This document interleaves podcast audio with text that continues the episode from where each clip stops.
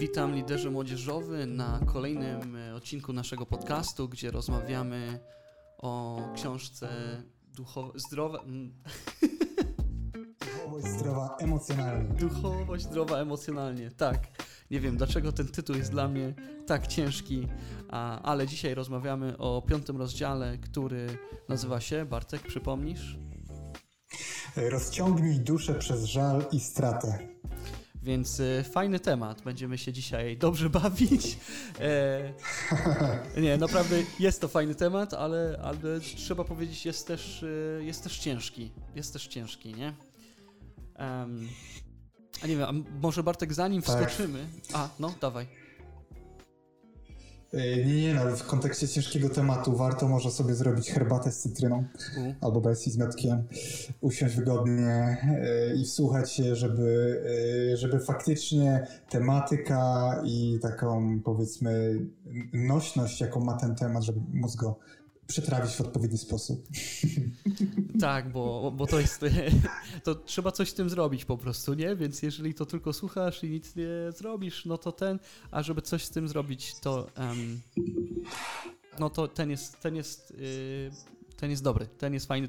Tak samo jak ostatni, który też był bardzo, bardzo lekkim tematem, nie? Ściana, dzisiaj żal, strata. Mhm. Jest bardzo fajnie. Jest bardzo fajnie. Y, Bartek, może, bo już jesteśmy tak naprawdę w drugiej, już cztery rozdziały za nami, a, mhm. więc, a jest osiem, więc teoretycznie jesteśmy w połowie książki, więc y, może warto zadać pytanie, gdzie jesteśmy teraz i dokąd zmierzamy dalej? Jakbyś, jakbyś opisał. Mhm.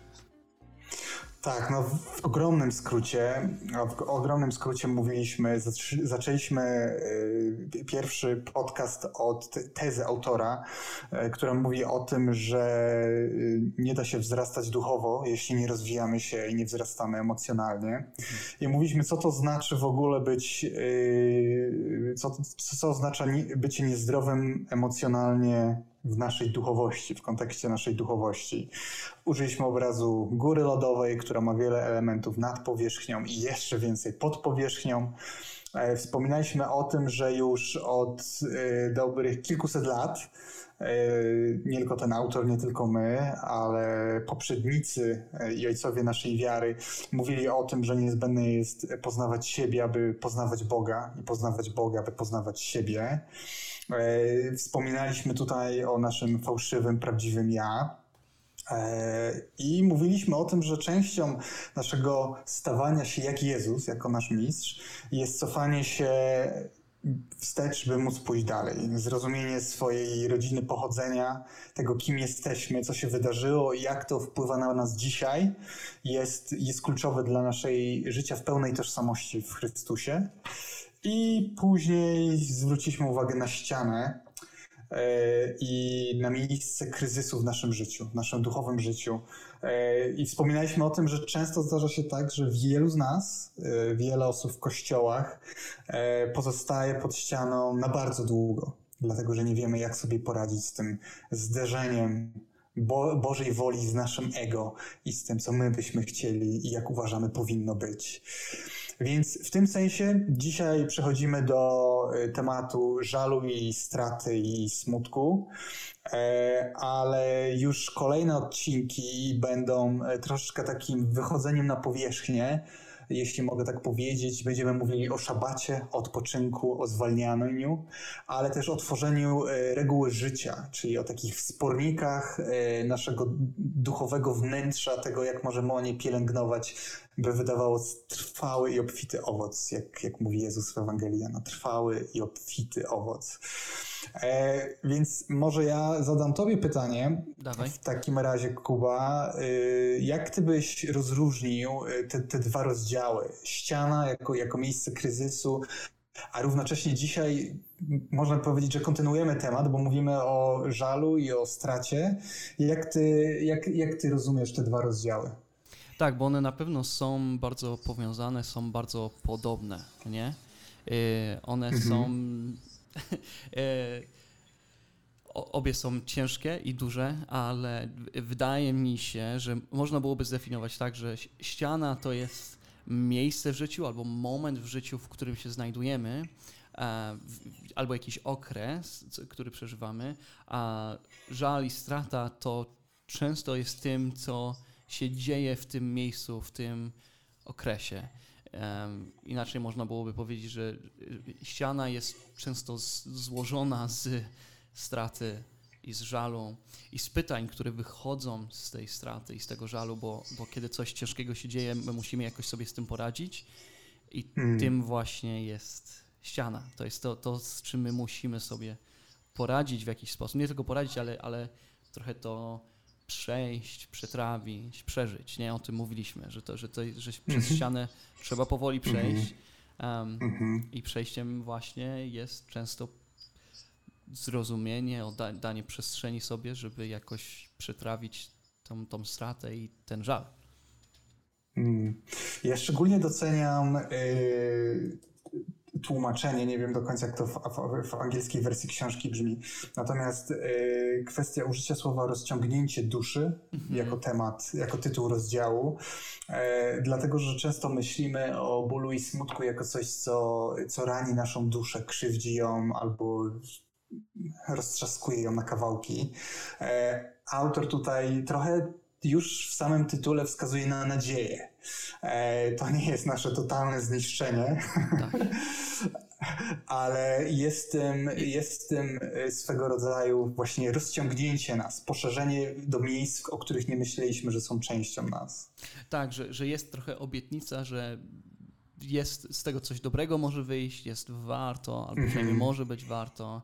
No i też mm. To słowo rozciągnięcie to jest słowo, które my ogólnie w kościele lubimy. Nie? Osobiście jako ludzie nie mhm. lubimy się rozciągać, e, czy dosłownie -hmm. fizycznie, w siłowni coś tam rozciąganie, nie, ale szczególnie też duchowo takie wychodzenie poza strefę komfortu. Do końca nie lubimy, ale też jako Kościół, jako ludzie wierzący wierzymy, że to jest ważne, tak, żeby żeby się rozciągać w jakiś mhm. sposób, a, ale pomysł rozciągania swojej duszy um, mhm. to jest y, zarazem um, y, wzbudza we mnie trochę strach, trochę obawę, mhm. a, ale mhm. też takie, okej, okay, ale ja też to chcę na pewno, bo ja chcę, żeby moja dusza była rozciągnięta, żeby była w, w, w, angielskim jest enlarge, czyli powiększyć, powiększ swoją duszę w pewnym sensie, że jest, mm, jest mhm. więcej przestrzeni, jest więcej otwartości na, myślę, że też na to, co Bóg będzie robił i w nas, i przez nas, kiedy my będziemy rozciągnięci, mhm. rozgrzani. I i, i, I ciekawe dla mnie jest to, jak y, to się odnosi do chyba nie wiem, pierwszego albo drugiego odcinka, w którym mówiliśmy o tym, że nasze uczniostwo względem innych ludzi bierze się z naszego uczniostwa, mojego osobistego względem Jezusa. Mhm. I nawet w naszym stowarzyszeniu często operujemy taką nomenklaturą wyzwania, pięć wyzwań Jezusa, tak, no. który rzuca wyzwanie, które zawsze wiąże się z jakimś elementem rozciągnięcia swojej strefy komfortu. Tak. E, natomiast e, i konsekwencją te, tej logiki e, naszej w tym podcaście, w tej książce jest, no, że oczywiście miło jest rzucać wyzwania innym.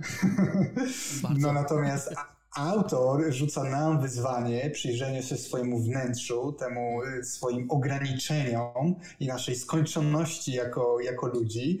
No i to już y, jest rozciąganie, które jest dużo, dużo, dużo więcej odwagi wymaga, albo nawet bym powiedział chyba cierpliwości. Hmm. No. E, ale czy, czy, czy możemy zacząć? Mam jeden cytat, który Dawaj. jak przeczytałem ten rozdział, od razu przeczytałem go na głos mojej żonie, bo y, spojrzeliśmy tylko na siebie i w milczeniu y, bez słów zrozumieliśmy się, wiemy, poczuliśmy o co chodzi. I y, cy, cytat brzmi tak. Zejście z naszych tronów i dołączenie do reszty ludzkości jest konieczne w procesie dorastania. Obraz ludzi, y, który każdy żyje w swoim jakimś królestwie y, pracy, przekonań, systemie rodzinnym, e, który ułożył sobie takie wygodne siedzenie, z którego ma wrażenie, że ma kontrolę i wpływ. E, I w tym momencie każdy z nas, jako taki swego rodzaju król swojego królestwa, aby dorosnąć, musi zejść z tego tronu i zobaczyć, że jest jak każdy inny człowiek tu na ziemi. I myślę, że to, że to bardziej może humorystycznie, no ale jest to swego rodzaju kwintesencja, uznanie tego swojego człowieczeństwa już w takim prawdziwym zetknięciu się z czymś, co nas boli albo, albo przeraża tak naprawdę. No bo jest, y, myślę, że to jest jedną z częstszych krytyk, które słyszę od, y, albo o których się słyszy od ludzi niewierzących, którzy mają kontakt z wierzącymi. I nawet y, autor tutaj opisuje jedną książkę, jedną sytuację, jak jedna kobieta była na, na pogrzebie i, i bo, bo ludzie z zewnątrz, kiedy patrzą na nas jako chrześcijan i my nie płaczemy w ogóle, nie doświadczamy mm -hmm. żalu, nie przeżywamy straty jako czegoś naprawdę bolesnego, tylko skupiamy się tylko na pozytywnych aspektach albo na tym, co Bóg może zrobić przez to, albo takie rzeczy i mówimy, nie, nie, to jest dobre, to jest dobre, bo coś tam, albo będzie ok, będzie ok. Um, co, co te rzeczy, tak, będzie ok i będą dobre rzeczy z tego wyjdą, ale jeżeli skupiamy się tylko na tych rzeczach i nie skupiamy się na bólu, to ludzie często patrzą na nas jako jakichś kosmitów, którzy nie mają uczuć, tak naprawdę. Mm-hmm. Pamiętam, ja byłem raz na konferencji, gdzie um, mówca mówił o tym, nie wiem, nie pamiętam całego kontekstu, um, mm-hmm. przyznam szczerze, nie pamiętam, ale, e, ale mówca powiedział, e, jeżeli moja żona zginie przede mną, to ja nie będę w ogóle płakał. I nie tylko, że, nie będę, że sobie nie pozwolę, ale nie będę w ogóle smutny, bo ja będę się tylko cieszył, że ona jest Bogiem i będę trochę zazdrosny, że ona jest tam przede mną. I on, I on to powiedział tyle razy. Ja pamiętam, siedziałem tam i niektórzy zaczęli klaskać, wow, jak fajnie, ale ten człowiek ma niesamowitą wiarę. A, a ja się rozglądałem i mówię, ale, ale jak w ogóle, nie? Przecież co to, to, to nie jest człowiek, nie? W sensie to on, to mhm. jakby, jakby on zamknął część swojego człowieczeństwa, która jest nam dana od Boga, nie? Mówiąc, ja nie doświadczę, nie doświadczę w ogóle tych negatywnych emocji, nawet uważam, że one są nie Boże, nie biblijne, chrześcijanie nie powinni doświadczać smutku. No, ja się nie zgadzam i ta książka też się nie zgadza. Mhm. Nie. Tak. Tak. E, I co więcej, e, do jakiegoś stopnia, e, do jakiegoś stopnia wskutek nieprzeżywania na przykład tej straty przez tego człowieka, myślę, że można by powiedzieć, że to ogranicza jego dorastanie, jego dojrzałość, mhm ale równocześnie powiedziałbym, że mm, no to modeluje coś bardzo niebezpiecznego. Mhm. A mianowicie zawsze się radujcie, za mhm. wszystko dziękujcie. Mhm. Y, pokój, który przewyższa wszelki umysł, będzie mieszkał w was i tak dalej. I w momencie, gdy uderza nas w życiu coś, czego się nie spodziewaliśmy, albo dotyka i przeszywa nas na wskroś, my zaczynamy jako ludzie wierzący czuć się winni, no bo przecież powinienem być pełen pokoju, wiary i zaufania. I przecież w każdej dobrej rzeczy Bóg, w złej, w trudnej rzeczy Bóg dokona czegoś dobrego, to powinno nas, nas, nas nadpawać nadzieją. Mhm. Natomiast prawda jest taka, tak jak autor podkreśla, dwie trzecie psalmów to psalmy lamentacyjne. Mhm. E, to, to, to, to, nasz podręcznik modlitewny w Starym Testamencie wskazuje na to, że duża część życia tu na Ziemi nie jest łatwa. e, I I, i, I pogodzić się z tym, y, no to dla niektórych jest tak naprawdę wędrówka przez całe życie, żeby uznać kruchość swojego istnienia. Nie? No właśnie, ale ciekawe jest to, bo to, co ty powiedziałeś, ty właśnie zacytowałeś fragmenty, które są, mhm. mamy się radować zawsze, nie? Chyba w, w Efezjan nawet jest y, śpiewaj tak często, jak potrafisz, nie? Oddawaj Bogu chwałę tak mhm. często, jak potrafisz. Mhm. Więc, y, więc może pytanie, które warto zadać tutaj, to jest dlaczego żal i strata jest ważna? Dlaczego to jest coś, um, co powinniśmy dać sobie doświadczyć? Mhm. Mhm. E, myślę, że jakąś odpowiedzią będzie, będzie cytat autora, który myślę na to odpowiada. E, pisze tak. Mm. Pisze tak. Właśnie, ty, ty, ty masz wszystkie cytaty, to wyjdzie na to, że ja nie czytałem tej książki. Mm. czytałem, jakby co, czytałem, obiecuję.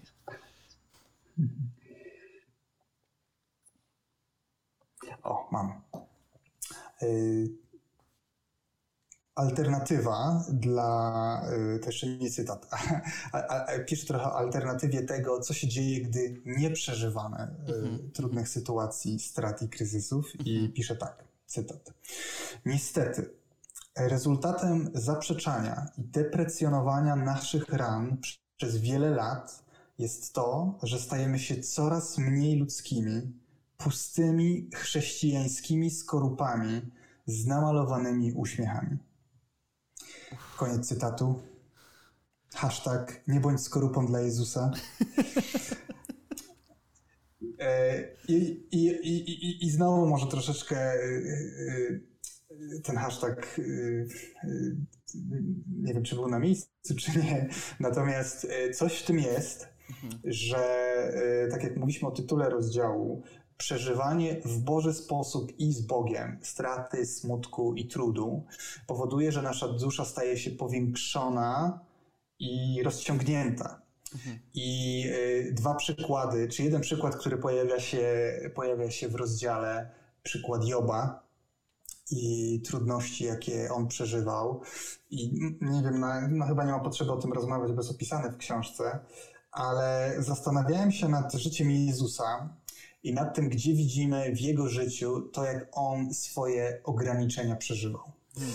E, i, i, I dwa momenty, które są dla mnie dosyć wyraźne.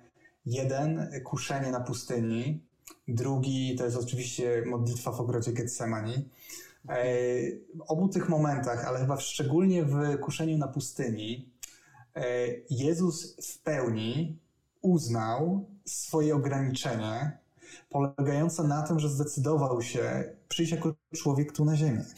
Mhm, mhm. Bóg, który staje się człowiekiem i w ramach swojego człowieczeństwa przeżywał okres na pustyni, podczas którego był kuszony, decydując się nie korzystać ze swojej boskości, ze swojej mocy i nawet ze swojej mocy i autorytetu, żeby, żeby pokonać tak naprawdę szatana raz na zawsze. I ciekawe to jest, że y, surowość warunków, jakie, jakich Jezus doświadczał, będąc na pustyni, bez jedzenia, bez picia, wiele dni, tak jak powiedziałem, pustynny teren, już samo to powoduje, że to no, nie są najwygodniejsze okoliczności do tego, żeby być, y, być kuszonym przez szatana. Natomiast rodzi się pytanie, w jaki sposób to, to kuszenie Jezusa tak naprawdę i uznanie tych ograniczeń w takiej formie wpłynęło na jego życie i służbę później. Hmm. Czy przychodzi ci coś na gorąco, które zaskakuje, ale yy, do głowy? No, y, upewnić się, że dobrze rozumiem, że jak to, co, czego on doświadczył w pustyni, przy, jakby mm, przewija się, ten sam temat przewija się znowu e, w, jego, w jego służbie później. Um, mhm. Albo jak stało się to fundamentem jego służby. Fundamentem, no właśnie. No, na pewno przychodzi mi na myśl moment po, um, po tym, jak nakarmił e, 5 tysięcy ludzi, nie? I ludzie do niego mhm. przychodzą i mówią, daj nam chleba, daj nam chleba, a on... E, i, I chcieli, żeby on stał się królem, i te wszystkie takie momenty, kiedy ludzie do niego przychodzą i mówią: Ty jesteś tym, to my teraz będziemy, damy ci wszystko i tylko mhm. zrób to, co my chcemy, nie? I my, i my cię ten, um, a on, on, miał, on miał pewność tego, że nie, to nie o to chodzi. To jedno mi przychodzi mhm. na myśl, nie wiem, czy, mhm. czy tym, y, mhm. jak jeszcze ty zauważyłeś? No dla mnie i chyba to jest takie najbardziej adekwatne do, do tego rozdziału. Aha. Y, postawiłbym tezę, roboczą tezę, mówiącą o tym, że y, Jezus przychodząc jako człowiek na Ziemię, e, przyjmując ograniczenia e, bycia człowiekiem, e, jest włożony w miejsce całkowitego poddania i zaufaniu, zaufania Bogu. I wiem, że to brzmi jak klisze chrześcijańskie, ale zwłaszcza czytając Ewangelię Jana, ilość momentów, w którym Jezus zwraca uwagę na to, że ja czynię to, co Ojciec chce, abym, aby czynił. Mówię to, jak On mnie nauczył mówić. E, powoduje, że będąc w miejscu ograniczeń, będąc w miejscu przeżywania smutku i straty, to automatycznie stawia nas w miejscu, w którym nasze, nasze zaufanie staje się dużo potężniejsze i dużo szersze y, względem Boga i poleganie na nim w jakimś, w jakimś sensie do jakiegoś stopnia. No. Okej. Okay. Tak, czyli, no. czyli, czyli to, tak, to, to powiększa nasze, sorry, bo próbuję nadążyć, to powiększa nasze um, e, o, brakuje mi słowa, chociaż właśnie go powiedziałeś, y, to, że my, my polegamy na nim, tak? Mhm. W tym sensie. Mhm. Mm. Tak, no i znowu ja bym tu się kurczowo tego nie trzymał i to jest jakiś element tego, mhm. no natomiast wydaje mi się, że jest to, że jest to dosyć istotny element, bo y, trudności i przykłady może tego żalu, straty, którą zaraz podamy, no powodują, że widzimy to, że nie siedzimy już na tronie. Ale jesteśmy ludźmi, mhm. którzy mają ograniczone zdrowie, ograniczone finanse, ograniczony czas, ograniczoną kontrolę tak. nad tym, co inni robią w mojej rodzinie albo co inni mówią o mnie. Mhm. I to, to wszystko do jakiegoś stopnia sprowadza się do straty. No. no to, to brzmi trochę jakby e, strata też nie dość, trochę pomagała, pomaga nam w pewnym sensie walczyć z bałwochwalstwem. W tym mhm. sensie, że kiedy ja sobie kiedy ja doświadczam i przypominam tego, że ja tutaj nie jestem w kontroli nad wszystkim, to właśnie mi przypomina, że po pierwsze ja potrzebuję Boga i że ja nie jestem w stanie zamanipulować wszystkim innym wokół, e, żeby się upewnić, że ja dostanę wszystko to, co ja chcę, bo, bo po prostu nie jestem w kontroli i to nam się nie podoba. Chcemy być w mhm. kontroli, ale prawda jest taka, że, że nie jesteśmy. Bo, bo myślę, że mhm. warto też, też odpowiedzieć na pytanie, czemu złe rzeczy się dzieją chrześcijanom. I to jest ogromne pytanie i można byłoby o tym całą inną serię podcastów nagrać, ale um, kiedy ja doświadczałem dużo żalu i, i, i bólu i straty, częścią tego, co mi pomogło to zrozumieć, to jest przypomnienie sobie, że ten świat nie jest idealny i my żyjemy w złamanym świecie. To nie zawsze znaczy, że kiedy coś złego mi się dzieje, to nie jest kara albo że ja coś źle zrobiłem, ale że świat ten jest upadły i, mhm. i czasami złe rzeczy się dzieją tylko dlatego, że się dzieją. I to nie jest czyjaś wina, to, to po prostu tak wyszło. Um, mhm. I i, i taki jest świat, nie? I tak, i Bóg mhm. może zrobić dobre rzeczy z tego, albo jakieś pozytywne części, aspekty mogą się stać później, ale to nie zmienia, że to było złe i bolesne, ale to też nie jest, nie ma kogo obwiniać za to, ani siebie, ani innych, mhm. bo po prostu czasami są złe rzeczy, bo, bo nie jesteśmy w niebie e, jeszcze, nie? Mhm. Tak, i, i dzięki, że to mówisz, bo to myślę, że to jest kluczowe. I to, yy, i to jest ta, ta trzecia droga, nazwijmy to. Dwie, dwie skrajności, jakie mamy w przypadku yy, żalu, straty, smutku, jest po pierwsze, po pierwsze ignoruję to, bo będę się zawsze radować i zawsze pokój będzie we mnie, tak? To, to jest jedna rzecz, czyli ignorujemy, zakopujemy, nie myślimy, wolimy nie czuć. Natomiast druga skrajność jest taka, że tkwimy w tym smutku i tkwimy w tym żalu. I niejako przez to, że tak jątrzymy tą ranę, e, skutkiem jest to, że ten nasz ból rozlewa się na innych ludzi wokoło. Natomiast to co, to, co ty przedstawiasz, to jest trochę ta trzecia droga, o której mówi autor. Czyli nie musimy ani udawać, że wszystko jest dobrze i że świat jest cudowny i piękny, mhm. ani nie musimy żyć w tej skrajności tego, że świat jest taki okropny, że będę cały czas załamany, bez nadziei i z, z zapokanymi twarzą chodził po, po, po ziemi i po ulicach. Mhm. Więc ta, ta trzecia droga i i podkreślę dla naszych słuchaczy, jeśli to nie jest oczywiste, gdy mówimy o stracie, gdy mówimy o żalu, gdy mówimy o smutku, nie mówimy o, yy, mówimy o całym spektrum tego doświadczeń, tak? Yy, nie wiem, czy ty, Kuba, możesz może y, wspomnieć, co autor yy, podaje za przykłady tej straty. Myślę, że to jest ważne, bo znowu możemy wpaść w taką czarno-białe myślenie w stylu chodzi tylko o takie ogromne straty, E, takie katastrofy, które się w życiu ludzi dzieją, a wiemy, że nie tylko o to. Tak, bo on e, na początku rozdziału tak naprawdę on wymienia parę rzeczy, które możemy stracić i jako pierwszy przykład podaje naszą młodość. Tak, mówi, tracimy naszą młodość, tracimy nasze marzenia, może o karierę, albo o rodzinę, albo coś konkretnego. Możemy też stracić naszą rutynę albo stabilność, nawet tylko przez to, że jest okres przejściowy jakiś, nie? Coś się mhm. zmienia. Um, oczywiście są takie katastroficzne straty, e, śmierć w rodzinie, um, mhm. złamana relacja, coś takiego. A też mówi, my y, doświadczamy, y, żałujemy y, tych rzeczy, których nie możemy zrobić. Nasz, nasze limity właśnie, czyli chcielibyśmy, ale nie możemy i, i, i, to nas boli. I też, i to było dla mnie mega ciekawe, e, tracimy nasze złe pomysły, czy złe zrozumienie, czy iluzję tego, kim jest Bóg i czym powinien być Kościół. Um, myślę, że y, to jest też bardzo duża strata, którą chyba każdy raz w życiu doświadczy, będąc w kościele, że wydaje nam się, że i, i, i po prostu idąc za Bogiem, że powinno być tak, a, a często jest inaczej. I, I strata tego obrazu boli też.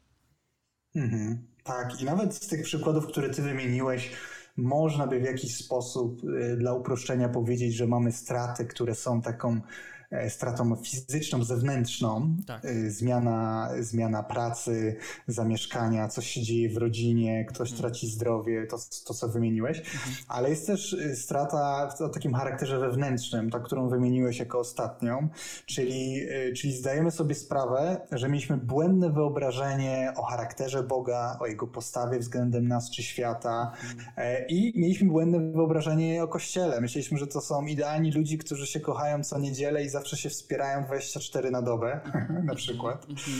I, I przyznam szczerze, dla mnie osobiście w jakiś sposób dużo bliżej mi do, y, do dostrzegania tej, przeżywania tej straty w moim życiu w kontekście tych błędnych wyobrażeń i przekonań. I jest to mi dużo bliższe, natomiast e, taki, taki, taki chyba przykład, który, który myślę to jakoś obrazuje, no to jest ten moment, w którym e, okazuje się, że po wielu latach służby intensywnej, gdzie wiele poświęciłeś, zdajesz sobie sprawę, że twoją główną, ale ukrytą motywacją było to, co inni myśleli o mnie, a, a ja nawet nie byłem o tym świadomy. I, e, i, I wbrew pozorom, e, to znowu tak bardzo trywialnie brzmi, no natomiast jeśli e, lider młodzieżowy, pastor czy, czy ktokolwiek zaangażowany w służbę zdaje sobie sprawę, że był do jakiegoś stopnia, nie w 100%, ale do jakiegoś stopnia sterowany kłamstwem i potrzebą tego, by inni go akceptowali, no to to jest dewastujące tak naprawdę. Strasznie, no. Masakra. Bo nagle I, zaczynasz e... kwestionować, czy to, czy to, co robiłeś w ogóle było od Boga, czy tutaj powinieneś być. No, mnóstwo pytań się wtedy rodzi, nie? I to, to boli. Mm-hmm. To boli. Mm-hmm. No i, e, i w tym sensie, w tym bólu e, zadanie sobie pytania, czy to wszystko w takim razie miało znaczenie. Właśnie, właśnie. Co, je, co jeśli nie miało, albo nie miało aż takiego, jak ja bym chciał, żeby miało. Tak. Jest to, jest to strata zupełnie o innym charakterze niż strata pracy, marzenia, porządku, stabilności, wpływu czy tragedii w rodzinie, które są również stratami, ale jest to swego rodzaju strata, która w taki niezauważony sposób może gdzieś się, gdzieś się pojawić i która też wymaga naszej uważności. Tak. No. no. Myślę, że, że kolejnym powodem, dla którego warto też tutaj wspomnieć, e, dlaczego warto rozciągnąć swoją duszę w ten, w ten sposób, szczególnie, że to jest podcast dla liderów. Właśnie jak mówiliśmy o tym, że czemu warto rzeczy robić, przede wszystkim to nie powinno być główną motywacją, ale myślę, że warto też wspomnieć, że to jest częścią tego, że kiedy my też jako liderzy, kiedy my nie jesteśmy w pełni ludzcy, a jesteśmy bardziej skorupą, mm -hmm. tak? Mm -hmm to e, nie dość, że my uczymy innych, że tak oni też powinni być, co może być mhm. bardzo krzywdzące dla nich, to też kiedy oni czegoś doświadczają, jeżeli my nie mamy jakby objętości w naszej duszy, żeby przeżyć to mhm. razem z nimi, no to my im nie możemy pomóc. E, ja mhm. e, w tym roku doświadczyłem różnych strat i niedawno był taki moment, gdzie um, ktoś z naszej młodzieżówki straci, ona straciła babcię, tak? I, i zmarła jej babcia i to bardzo bolesne. Um, I niedługo potem mieliśmy wieczór uwielbienia i, i wszyscy, był moment, jeżeli chcesz modlitwę, przyjść do przodu, liderzy są i ja widziałem, że ona siedziała z tyłu i, i płakała. Ja, i, I po pewnym czasie um, ja usiadłem obok niej, dałem rękę na jej plecy i, i bo, bo od razu, kiedy ją zobaczyłem, od razu ja zacząłem płakać. Czułem w sobie dużo bólu i byłem w stanie hmm. zrozumieć w zupełnie nowy sposób, jak ona może się czuć w tej chwili. I więc potem, jak usiadłem obok niej i, i, i dałem rękę na jej plecy i chciałem się pomodlić, ale nie miałem słów.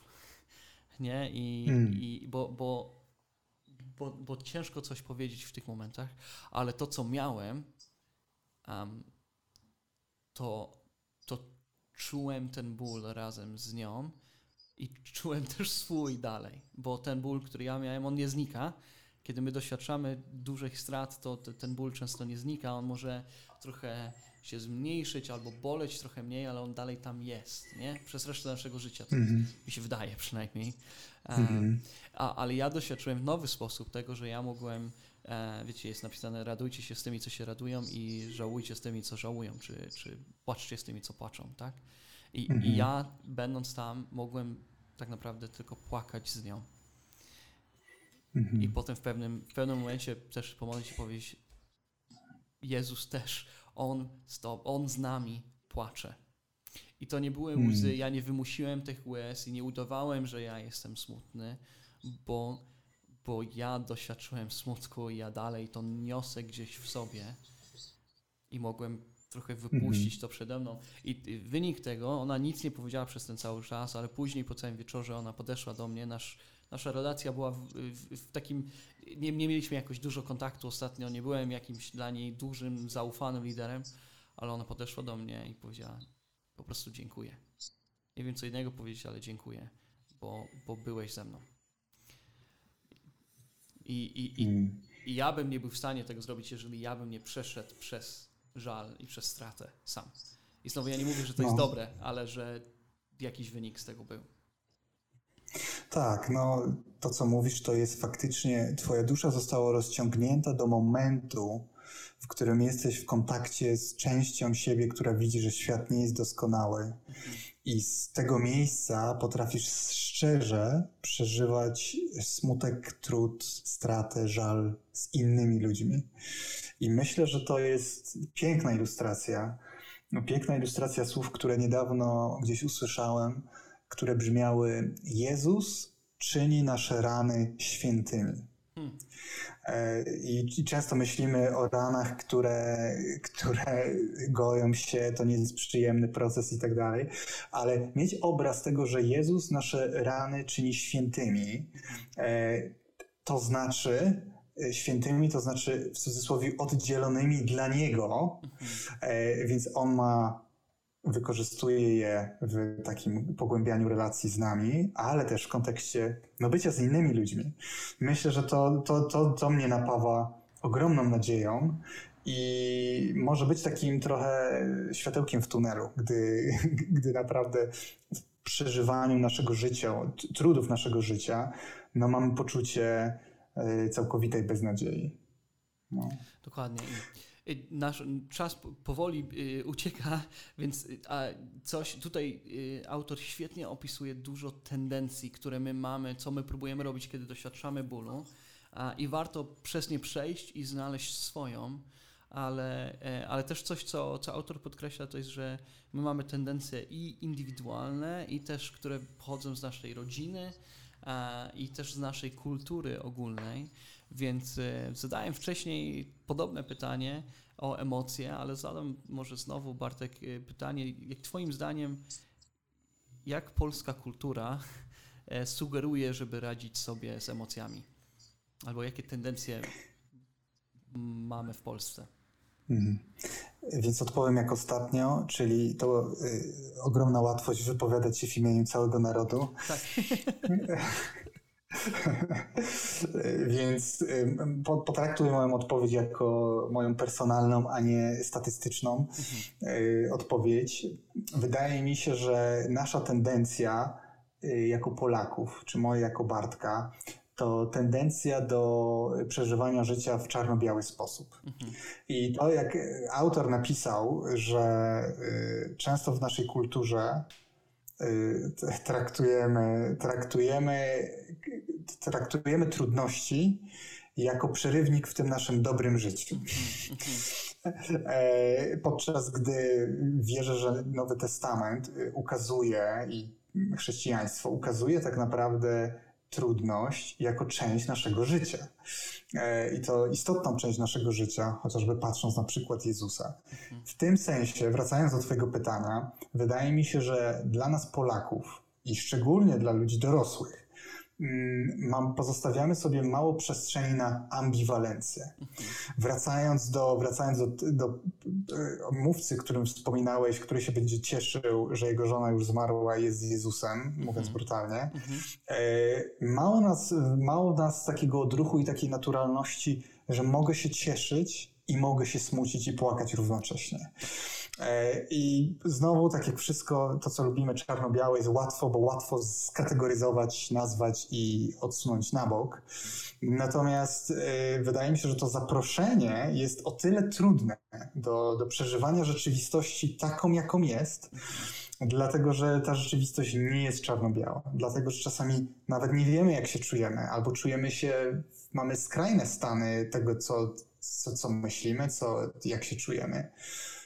Więc to w takim dużym uproszczeniu, ale wydaje mi się, że w, w kontekście przeżywania emocji to jesteśmy czarno-biali, to po pierwsze, a po drugie w kontekście smutku e, i żałoby e, i uznawania ograniczeń, to, to raczej też przykładem nie świecimy, mówiąc w uproszczeniu. I to nie jest wina bezpośrednia, nie wiem, tylko kościoła, albo nie wiem, że o tym nie nauczamy, albo nie wiem co, ale jest to częściowo to, co ty powiedziałeś, kwestia kultury. Mhm. Kultury, ale też nowej takiej ery, w jakiej świat się znajduje, no bo tak naprawdę ty musisz być silny, nie? A już w ogóle jak jesteś mężczyzną, który ma rodzinę, no musisz sobie radzić, człowieku. Mhm. nie, nie siedź i nie użalaj się nad sobą, bo to nic nikomu nie da. Weź się w garść, zajmij się rodziną, znajdź pracę i idź dalej. Chłopaki nie płaczą, nie? tak, no. tak. No. Ale, to jest ciekawe, bo nawet to, to, co ty powiedziałeś wcześniej, to jest, że i myślę, że to jest nasza tendencja, szczególnie w kościele, um, bo powiedziałeś, że ból i strata to coś, co, te rany to jest coś, co Jezus uświęca. I więc kiedy my doświadczamy, szczególnie jako chrześcijanie, którzy próbujemy być dojrzalni, próbujemy znaleźć, to co my próbujemy zrobić, to znaleźć dobre rzeczy wśród bólu i powiedzieć, jest ok, bo nie, czyli mówimy, ok, mhm. ja doświadczyłem dużo bólu, ale to jest ok, to jest dobre, bo Jezus to uświęca.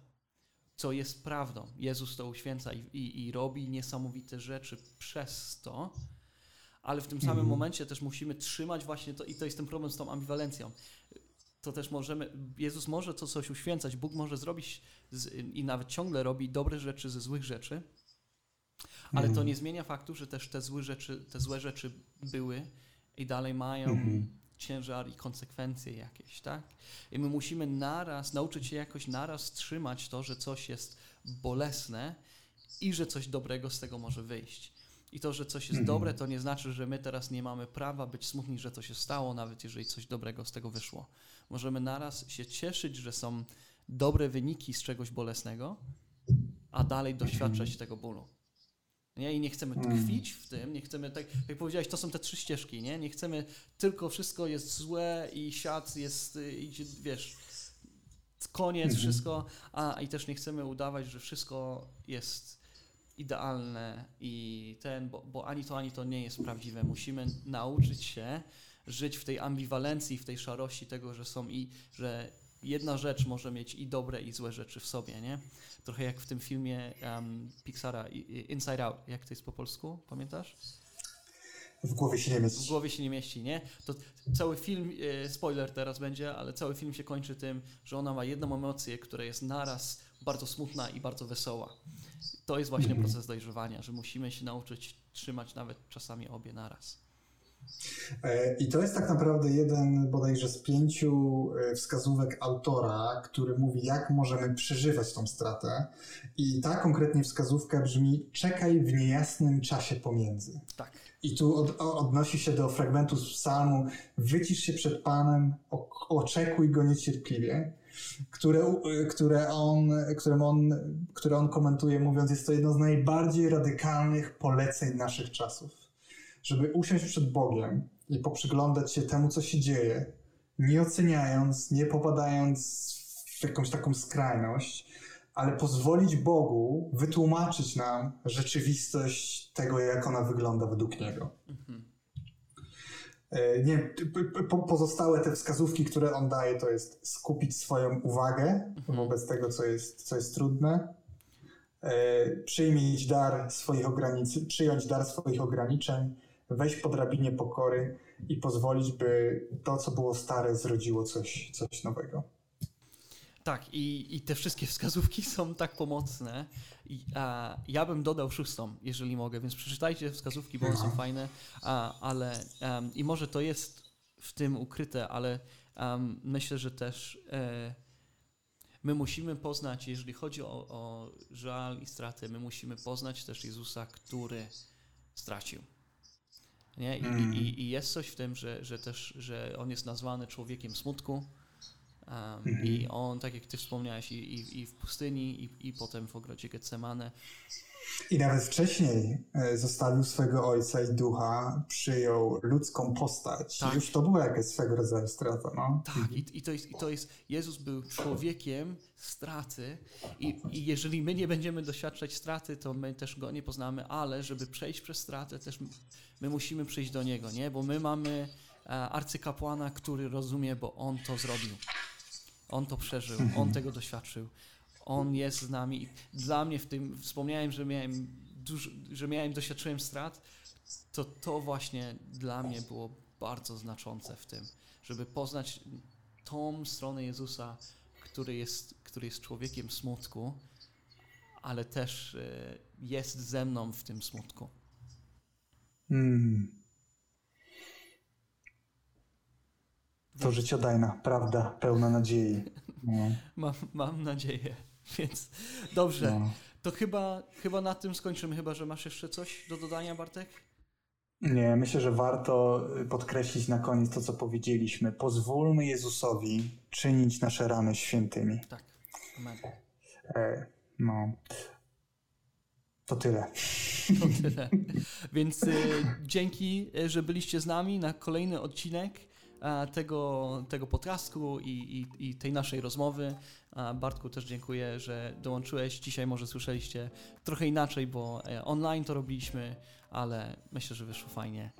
Um, więc dzięki, że byliście z nami i następne... Dzięki również. Tak, następne odcinki będą coraz bardziej praktyczne tak naprawdę, jeżeli chodzi o konkretne rzeczy, które możemy robić, żeby um, rozwijać naszą duszę trochę bardziej zewnętrzne, więc ci z Was, którzy, um, dla których te, te rzeczy emocjonalne były dużym wyzwaniem, mam nadzieję, że wkroczyliście w to wyzwanie i roz, to Was rozciąga. A, następne rzeczy są inne, ale też bardzo praktyczne, bardzo pomocne, ale do nich dojdziemy, więc...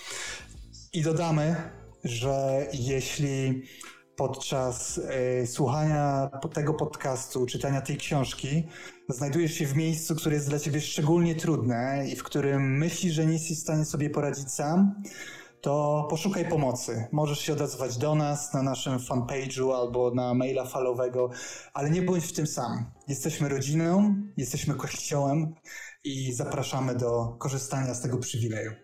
Tak, kolejne miejsce, do którego możecie też iść, to jest wasz kościół. A jeżeli nie macie kościoła, no to odezwijcie się do nas i pomożemy wam znaleźć, bo to jest miejsce, w którym my wzrastamy jako rodzina i się wspieramy, więc...